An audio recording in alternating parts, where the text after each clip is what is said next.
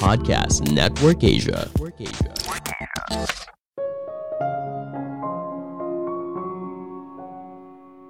Membandingkan diri adalah cara kita mengetahui di mana kita berada dan mungkin saja bisa mendorong kita menjadi lebih baik. Halo semuanya, nama saya Michael. Selamat datang di podcast saya, Sikutu Buku. Kali ini saya akan bahas kalau kita cenderung membandingkan diri kita dengan orang lain, entah dari segi penampilan, penghasilan, gaya hidup, dan sebagainya. Coba renungkan, seberapa sering kamu membandingkan dirimu dengan orang lain? Misalnya kamu membandingkan dengan teman atau rekan kerja dalam hal kekayaan atau kesuksesan. Apalagi di era sekarang, kita mungkin saja membandingkan diri kita dengan orang lain yang belum tentu kita kenal, tapi kita jadi down. Misalnya, ada anak muda usia 25 tahun sudah punya mobil mewah, punya rumah, dan sebagainya. Hal ini mungkin saja membuat kita jadi bersemangat untuk bekerja lebih keras, atau di sisi lain, kita malah merasa buruk kita merasa diri kita tidak cukup baik karena belum mencapai apa yang orang itu miliki. Sebelum kita mulai, buat kalian yang mau support podcast ini agar terus berkarya, caranya gampang banget. Kalian cukup klik follow. Dukungan kalian membantu banget supaya kita bisa rutin posting dan bersama-sama belajar di podcast ini.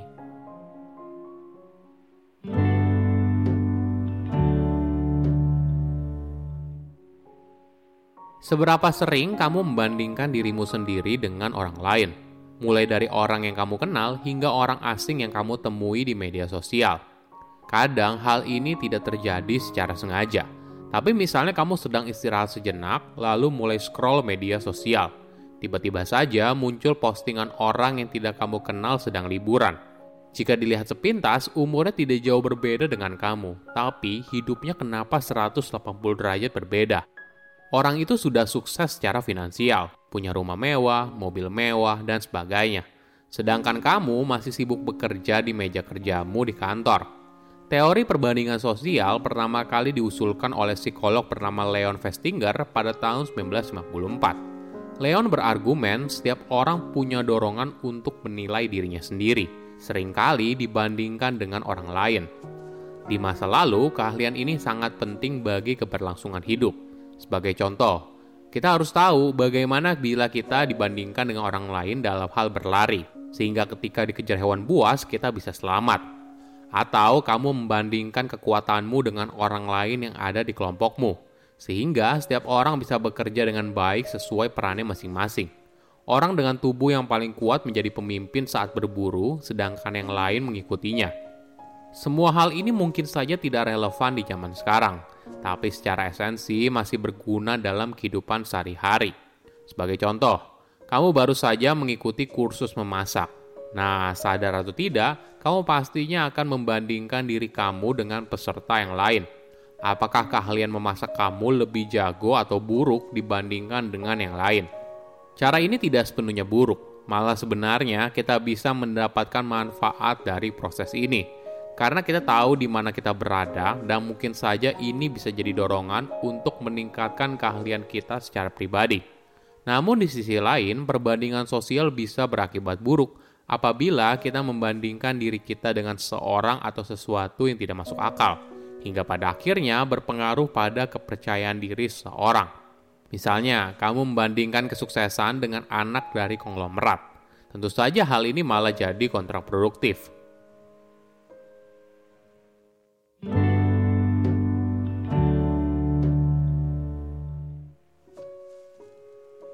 Dalam membandingkan sesuatu, kita bisa dengan mudah menggunakan perhitungan yang objektif. Misalnya kita bisa mengevaluasi kecepatan lari seseorang berdasarkan waktu tempuhnya, atau seberapa kuat kita dari berapa kilogram beban yang bisa kita angkat dalam satu set. Namun tidak semua perbandingan bisa dilakukan secara objektif. Kadang kita terpaksa harus menilainya secara subjektif. Misalnya, apa yang membuat opini seseorang itu benar? Bagaimana saya bisa tahu kalau saya lebih jujur daripada orang lain? Secara umum, ada dua jenis perbandingan sosial, ke atas dan ke bawah. Perbandingan sosial ke atas adalah ketika kita membandingkan diri kita dengan orang lain yang kita anggap lebih baik. Biasanya, perbandingan sosial ke atas fokus pada keinginan untuk memperbaiki kondisi saat ini. Sedangkan perbandingan sosial ke bawah adalah ketika kita membandingkan diri kita dengan orang lain yang kita anggap lebih buruk. Kenapa? Kita sadar mungkin saja kita bukan merupakan orang yang terbaik, tapi setidaknya kita lebih baik daripada orang lain. Mantan Presiden Amerika Serikat Theodore Roosevelt pernah berkata, kalau membandingkan diri dengan orang lain adalah pencuri kebahagiaan. Mungkin saja benar, apalagi jika kita menggunakan perbandingan ini sebagai gambaran siapa diri kita yang sebenarnya. Misalnya begini, kamu seorang orang tua yang baru saja bertengkar dengan anakmu yang kecil karena dia tidak mau makan. Lalu ketika kamu pergi ke mall, kamu melihat orang tua yang sangat sabar saat menghadapi anaknya yang sedang tantrum. Pikiranmu langsung bergerak begitu cepat. Kamu lalu menganggap kalau orang tua itu jauh lebih baik daripada kamu. Kamu adalah orang tua yang gagal dan sebagainya. Hanya dalam hitungan detik, kamu langsung merasa menyesal dan menganggap kalau kamu adalah orang yang gagal. Inilah yang membuat perbandingan sosial jadi sangat berbahaya. Hati kita mendengar apa yang pikiran kita ucapkan.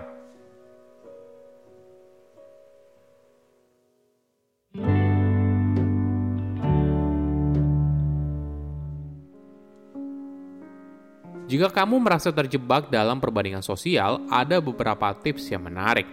Pertama, cari role model.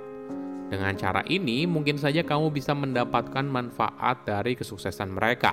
Misalnya bisa menjadi motivasi diri, belajar cara mereka meraih kesuksesan, dan sebagainya. Lebih mudah apabila kamu belajar dari role model yang jauh atau dari sosok yang kamu kagumi. Misalnya dari Oprah Winfrey atau Elon Musk. Daripada kamu belajar dari temanmu sendiri. Kenapa? Mungkin saja kamu pada akhirnya malah merasa down karena teman kamu kok terus-menerus meraih hal besar dalam hidupnya ya. Kedua, menciptakan lingkaran sosial yang mendukung. Dalam hidup, kamu akan menemui berbagai tipe orang yang berbeda. Ada orang yang rasanya suka banget menghakimi orang lain atau membandingkan satu orang dengan orang lainnya.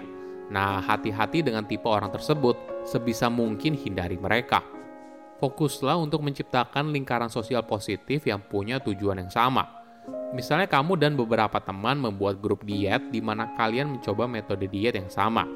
Ketiga, jangan lupa bersyukur. Ketika kamu sedang merasa cemburu atas kesuksesan orang lain, ketika kamu merasa dirimu lebih buruk daripada orang lain, coba ingatkan kembali dirimu atas segala kesuksesan yang sudah kamu raih. Lebih baik lagi, kamu bisa mencoba untuk membuat jurnal bersyukur sehingga kamu bisa fokus pada apa saja yang sudah kamu miliki daripada apa yang tidak ada di hidupmu. Oke, apa kesimpulannya? Pertama, alasan kita membandingkan diri dengan orang lain. Kita membandingkan agar kita tahu di mana kita berada, dan mungkin saja ini bisa jadi dorongan untuk meningkatkan keahlian kita secara pribadi.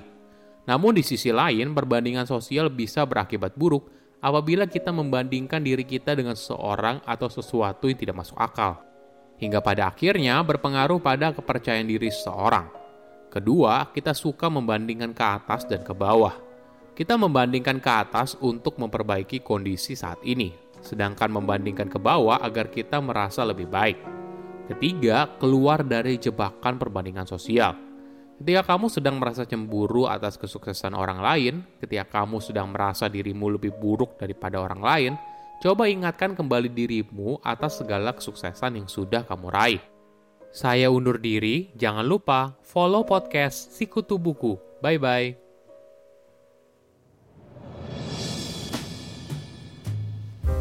Halo, gimana episode tadi? Semoga lu pada suka ya. Kalau lu pengen ngedengerin podcast yang bikin hubungan percintaan lu jauh lebih baik, langsung yuk mampir ke podcast Logika Cinta Jose Aditya Lu bisa belajar banyak hal tentang hubungan percintaan karena sukses ada polanya. Begitu juga di kehidupan romansa. Gue tunggu ya di podcast Logika Cinta. Saya Aditya. See you. Pandangan dan opini yang disampaikan oleh kreator podcast, host, dan tamu tidak mencerminkan kebijakan resmi dan bagian dari podcast Network Asia. Setiap konten yang disampaikan mereka di dalam podcast adalah opini mereka sendiri dan tidak bermaksud untuk merugikan agama, grup etnik, perkumpulan, organisasi, perusahaan, perorangan, atau siapa pun dan apa pun.